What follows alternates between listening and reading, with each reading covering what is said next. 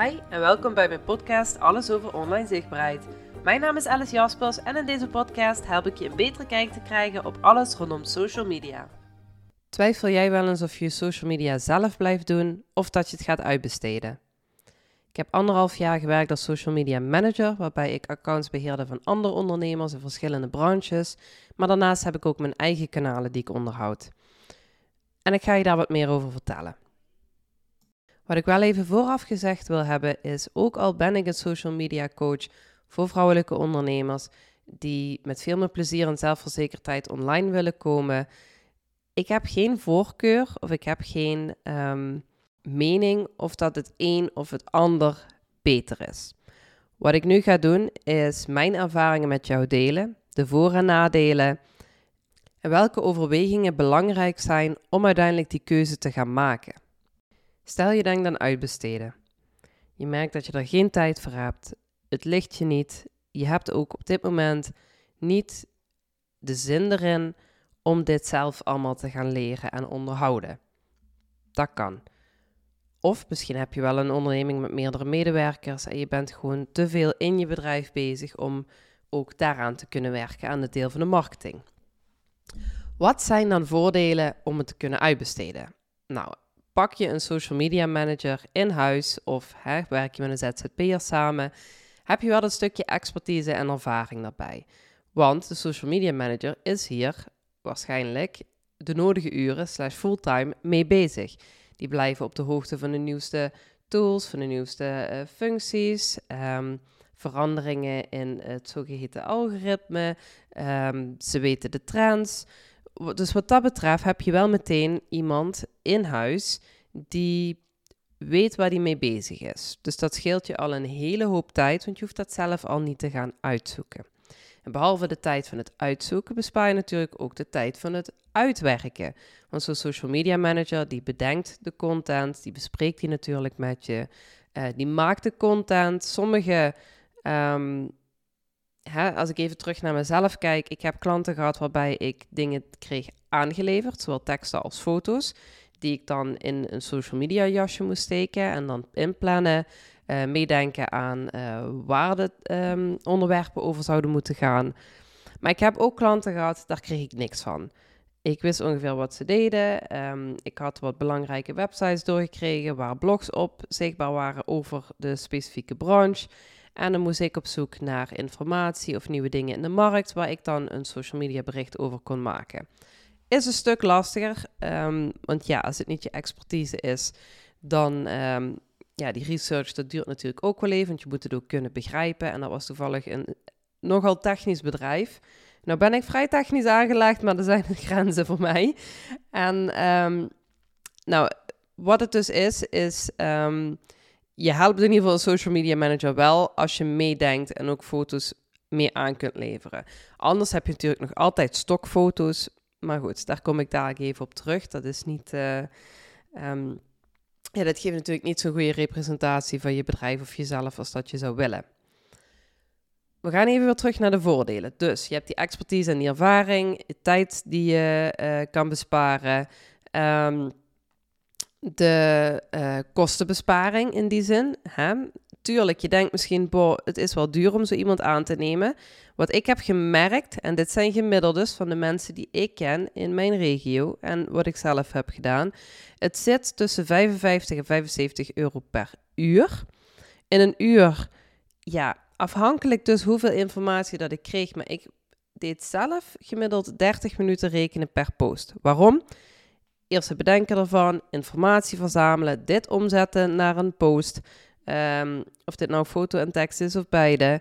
Dan uh, die post ook weer terugsturen naar de persoon voor goedkeuring, eventueel een aanpassing doen en dan ook nog inplannen.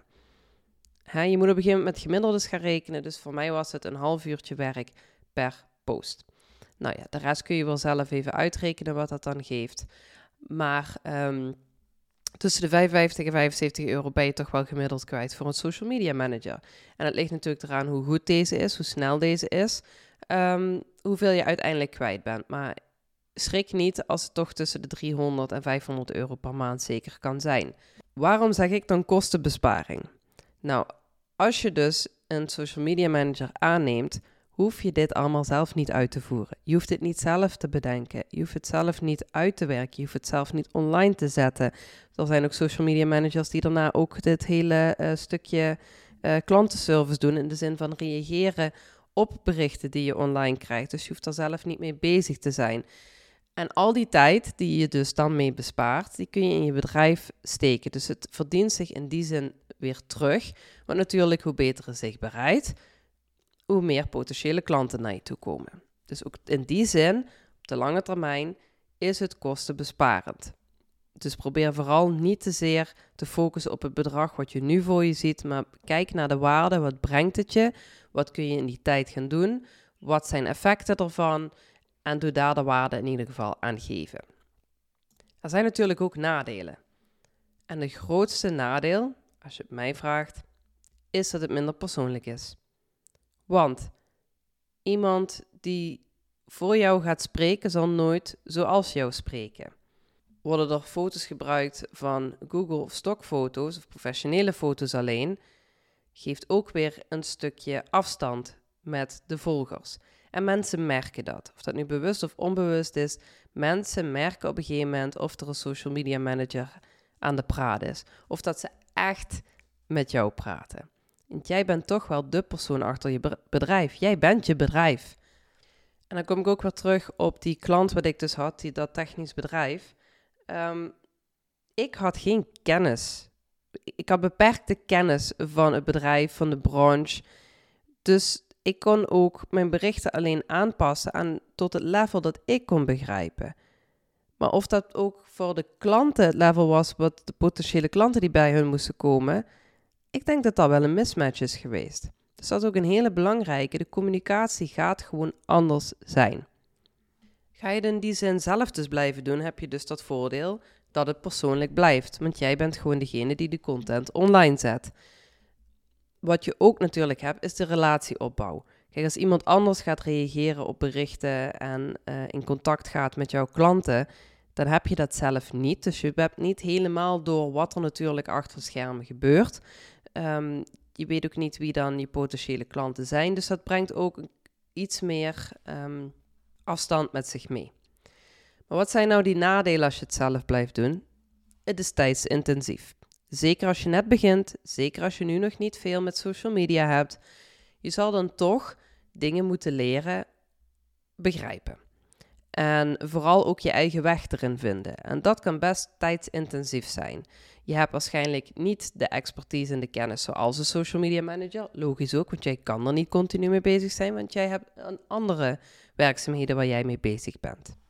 En dan heb je nog dingen als natuurlijk statistieken kunnen lezen, uh, bijblijven met trends en veranderingen. Uh, misschien beperkte creativiteit, misschien is dat niet helemaal je ding. Dat kunnen allemaal nadelen zijn die opkomen. Dus die overwegingen die je moet nemen om de keuze te maken, die hebben voornamelijk te maken met budget. Kun je het überhaupt uitbesteden? Heb je daar nu het budget voor? Daarnaast, hoe zit je eigen expertise? Kun je dat zelf leren? Wil je het zelf leren? Wil je het in een eigen beheer houden? En de aller, allerbelangrijkste, wat wil je uit je social media halen? Heb jij bijvoorbeeld een webshop of verkoop je producten en heb je best wel een grote pool aan klanten nodig, of misschien doorstroom aan klanten, dan zit je al natuurlijk met andere cijfers en andere doelen voor je social media dan wanneer jij een dienst levert en misschien een maximum van 10 klanten tegelijk aan kunt. Het wordt dan natuurlijk een stuk belangrijker dat de berichten persoonlijk zijn. Ga je kijken naar hè, verkoop je producten, dan blijft dat stukje persoonlijk natuurlijk belangrijk, maar dan kan het ook nog een stuk belangrijker worden om naar die statistieken te kijken. Hoeveel nieuwe uh, bezoekers heb je, nieuwe volgers, bereik? Is dat lokaal? Is dat verder weg? Wat kun je doen om dat te verhogen?